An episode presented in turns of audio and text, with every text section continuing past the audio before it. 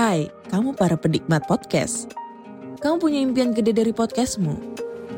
Terus First Story bisa banget bantu kamu. Mulai dari F-Link, Dynamic Audio Insertion, sampai statistik yang komprehensif. Semua ada di First Story. Gak ketinggalan kamu bisa monetisasi podcastmu lewat iklan dari First Story Ads yang bisa kasih kamu penghasilan dari setiap place podcastmu. Yuk gabung sekarang dengan klik di firststory.me.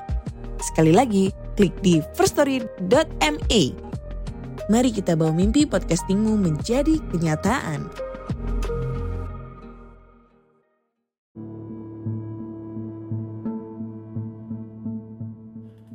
Kembali lagi bersama saya Rinsyah Mahendra, your book reader. Al-Qudus, sebuah novel kitab suci karya Asef Saiful Anwar. Bab 14, Bitua. Hujan yang merah. Ingatlah ketika kami turunkan hujan berwarna merah dari atas langit dataran Lanaf. Maka sebagian dari kaum masik yang menghuninya berlindung dari hujan itu dan berujar, Betapa amis bau hujan ini, serupa darah yang membuncah dari tubuh yang pecah. Sementara yang lain menampung hujan itu ke dalam telungkup tangannya dan menyesapnya ke dalam mulut sebagai anggur yang wangi lagi manis. Mereka bertanya, Adakah ini mukjizat yang diturunkan Tuhanmu agar kami bertambah yakin engkau adalah Rasul yang mampu mengubah hujan menjadi anggur? Bitua meraba lubang-lubang serulingnya dan mengirimkan firman ke dalamnya. Mereka yang tak menyentuh hujan itu tak mampu mengartikan suara seruling itu ketika uh, kecuali sebagai bunyi angin belaka. Sementara mereka yang meminum hujan itu memejamkan matanya dan mendengarnya sebagai jawaban atas pertanyaan yang diajukan sembilan orang terpercaya berkerumun dan mengucapkan apa yang didengarnya dengan serempak. Hujan yang diminum sama dengan hujan yang dihindari. Sama pula dengan yang diterima tetumbuhan dan diminum hewan-hewan, yang mana keduanya menerimanya sebagai air hujan yang bening lagi menyegarkan. Manis atau amisnya hujan itu bergantung mereka yang menerimanya, dan aku hanyalah seseorang yang dipilih Tuhan untuk menyampaikan kabar gembira pada kalian tentang kehidupan yang damai dalam iman dan kehidupan yang baik dengan keadilan. Kami turunkan hujan itu dengan lebat dalam siang dan malam, berhenti hanya pada pagi dan petang. Dalam sepekan telah kami ganti seluruh air yang muncul di permukaannya, lanaf dengan air yang kami turunkan dari langit bagi mereka yang jujur dalam menimbang, hujan itu tetap manis dan menjadi bening ketika telah menyentuh tanah. Sebagian dari mereka menadahinya dengan tempayan agar tetap manis, sementara mereka yang berusaha menghindar dari hujan itu masih merasakan amis, baik ketika air itu sedang turun maupun sesudah jatuh ke tanah. Sumur-sumur mereka pun memancarkan air merah yang amis, berasa darah. Demikianlah kami memberi mereka peringatan atas perbuatan mereka yang timpang dalam menimbang, Air yang mereka minum adalah darah dari orang-orang yang mereka tipu dalam berdagang. Tetua mereka mengeluh kepadanya, sihir apakah yang kau hembuskan hingga tiap kali hujan turun dan kau meniup serulingmu, air kami menjadi amis, dan kini seluruh air yang kami miliki menjadi amis seluruhnya. Bitua mengalunkan serulingnya dan sembilan orang terpercaya berkata kepada tetua kaum masik itu, hingga menjadi suatu percakapan. Sesungguhnya aku hanya memohon kepada Tuhan agar membuka mata hati kalian dan menunjukkan apa yang telah kalian perbuat itu tidak baik. Itulah yang aku tiupkan ke dalam serulingku setiap kali hujan turun.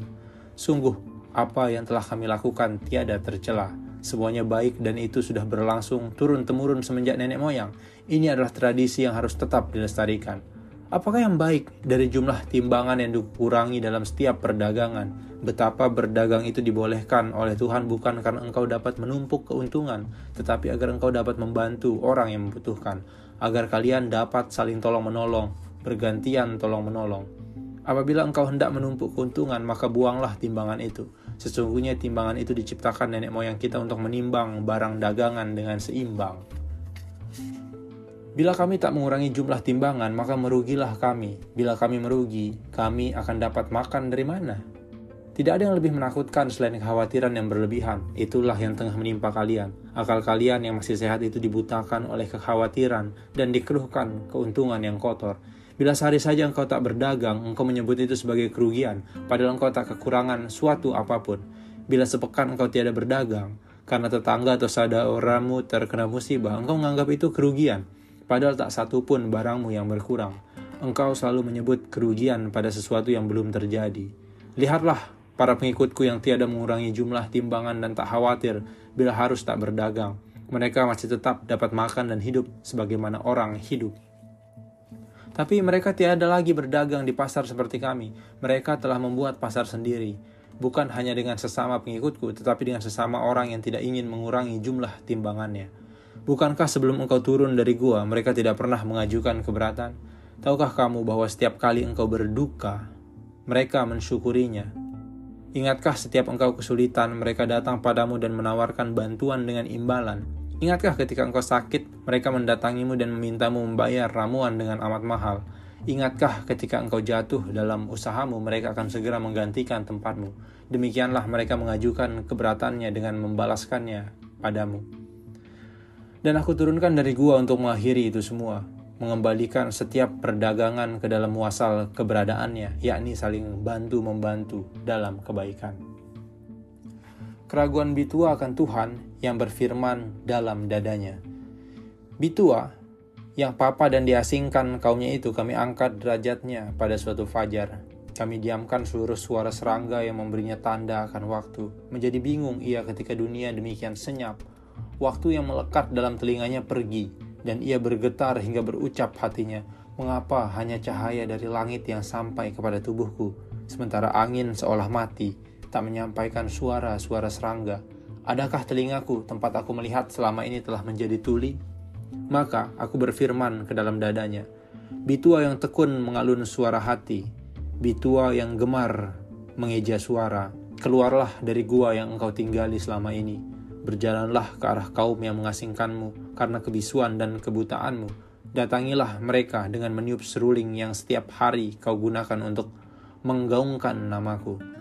Ia bergeming dan dadanya bersuara, Sungguh dari masa ke masa Tuhan yang sampai padaku hanya ada dalam pendengaran. Kini bila engkau benar-benar Tuhan, tampakkanlah wujudmu. Meskipun buta, aku akan dapat menyaksikan wujudmu jika engkau benar-benar Tuhan. Tidak akan ada yang mampu melihat wujudku, meskipun dalam lapisan yang ke-999. Ingatkah kalian ketika seorang nabi memohon agar aku menunjukkan wajahnya? Dan ketika aku tampakkan lapisan wajahku yang paling luar, maka gunung yang ada di dekatnya menghilang sebab tak kuasa melihat. Sungguh tak akan ada yang sanggup melihat wujudku meskipun aku mengizinkannya menyaksikan. Maka aku tampakkan bukti ketuhananku kepadanya.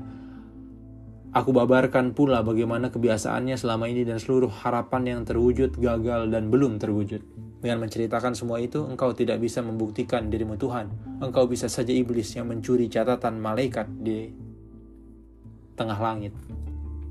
Sungguh hanya Bitua yang masih meragukan ketuhananku, sementara telah jelas aku memilihnya sebagai seorang rasul. Maka aku tunjukkan kekuasaan kepadanya dengan menunjukkan surga dan neraka.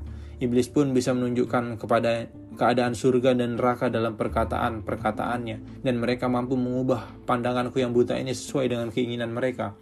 Sungguh, Bitua tak ingin sembuh dari kebutaannya dan tak ingin pula ia memiliki suara, maka aku tak akan memberinya penglihatan dan suara. Aku datangkan kepadanya sekumpulan serangga yang biasa mengirimkan waktu kepadanya. Mereka bersaksi bahwa aku adalah Tuhan yang senantiasa meminta mereka memberitahukan waktu kepadanya. Baiklah, Aku percaya engkau adalah Tuhan sebab serangga-serangga yang mengucapkan itu tak pernah mengkhianatiku tentang waktu. Namun aku masih belum percaya diri untuk menjadi seorang rasul. Hanya Bitua yang mampu berkata demikian, dan kami memberinya waktu untuk dapat menguatkan hatinya sebelum turun kepada kaumnya. Barang-barang yang beterbangan Pada pagi yang tak pernah menyala di matanya itu, Bitua keluar gua dan berjalan ke arah kaumnya. Ia meraba lubang-lubang serulingnya dan meniupkan firmanku ke dalamnya, menyentuh setiap telinga yang bersedia menggaungkan, yang menganggukkan kepala dan mengagungkan namaku di dalam dada. Burung-burung yang melintas di atasnya berhenti mengapakkan sayap dan mengambang, meninggalkan rantingan yang bergoyang, menggugurkan dedaunan kering yang berhenti melayang, dan matahari kami naikkan sedikit demi sedikit. Mereka menimbang dengan seimbang itu berkata, ini adalah kata-kata Tuhan yang amat agung, sementara sebagian yang lain menggumam, ia masih belum pandai meniup seruling. Usir kembali dia sebab suara itu mengganggu kita dalam berdagang. Dari atap rumah-rumah kaum masik, itu kami terbangkan barang-barang yang tengah dibutuhkan, terurai dari tali-tali yang mengikatnya, terlepas dari karung-karung yang mengemasnya, terbuka dari peti-peti yang menyimpannya. Maka, kerumunan orang yang ada di pasar itu menjadi pecah dan menanti turunnya barang-barang yang diterbangkan. Kami turunkan barang-barang itu kepada mereka yang selama ini kelaparan, kami turunkan barang-barang itu kepada mereka yang telah membayar lebih pada apa yang telah ditimbun dan mereka yang selama ini menimbun barang berlarian hendak merebut kembali barangnya dari tangan-tangan yang telah kami izinkan memungutnya. Sementara, sembilan orang yang tidak memungut barang yang turun ke hadapan mereka melangkah ke arah Bitua di tengah pasar. Ia meniup serulingnya lagi dan mendekatkan barang-barang yang mereka tinggalkan itu ke hadapan mereka kembali. Namun mereka kembali meninggalkannya dan semakin mendekat ke segala sisinya. Mereka melingkarinya dan menundukkan kepala dan melipat tangan di dada. Bitua mengangkat kepala-kepala itu untuk menegak, tetapi mereka bergeming. Maka ia pun menguji kesungguhan dan kesetiaan mereka dan meniupkan beberapa firman yang kami sampaikan padanya. Sungguh mereka senantiasa sama dalam menuturkan apa yang mereka dengarkan dari seluruh Bitua. Dan dari mulut kesembilan orang ini, firman yang kami turunkan kepada Bitua mulai disebarkan.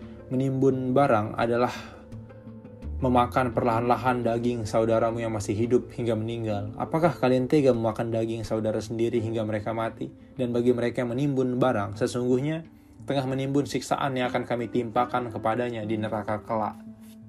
Aturan berdagang Sesungguhnya kami tak melarang engkau mengambil keuntungan dari jual beli. Apa yang kami larang hanyalah tindakanmu yang berlebihan dan merugikan sesamamu. Takarlah barangmu dengan seimbang sebagaimana Tuhanmu menakar iman dan perbuatanmu nanti di kehidupan yang kekal. Jangan mengatakan barang yang cacat sebagai barang yang baik, sebab keduanya memiliki nilai yang berbeda. Lebih baiklah bila barang yang cacat itu tidak dijual kepada orang lain, dan apabila itu barang yang cacat hendak kamu berikan kepada orang lain, engkau harus mengatakan kekurangannya lebih dulu, sehingga mereka yang kamu berikan tidak kecewa. Lebih baiklah bila barang yang cacat itu kamu pakai sendiri apabila masih bisa digunakan. Janganlah rasa kasihmu kepada sesama, engkau memberatkan timbangan dan merugikan dirimu sendiri. Janganlah engkau samakan berdagang dengan bersedekah. Apabila engkau hendak membantu sesamamu, janganlah engkau memberatkan timbangan. Engkau boleh bersedekah kapan pun kecuali ketika berdagang. Sesungguhnya hal ini ditetapkan agar engkau dapat terus-menerus berdagang. Agar engkau dapat terus-menerus bersedekah sepanjang hidupmu. Bersedekahlah dengan hartamu, tapi apabila engkau tidak mampu, bersedekahlah dengan tenagamu. Bila engkau masih juga tidak mampu, bersedekahlah dengan senyuman dan kata-kata yang lembut, lagi santun kepada sesamamu. Janganlah menjual sesuatu yang masih dalam peti. Jangan pula engkau menjual sesuatu yang belum berubah atau berbuah. Dan janganlah engkau menjual dirimu bahkan kepada Tuhanmu. Sebab aku tidaklah pantas untuk engkau ajak berdagang. Aku tidaklah menjual rezeki padamu. Dan tidak pula memberi, membeli ibadatmu. Aku menciptakanmu dengan tulus dan engkau harus pula mematuhiku secara tulus. Barang siapa yang berani menjual ayat-ayatku demi hidup mereka di dunia, niscaya akan merasakan kepedihan paling abadi di dalam neraka. See you next episode. Bye.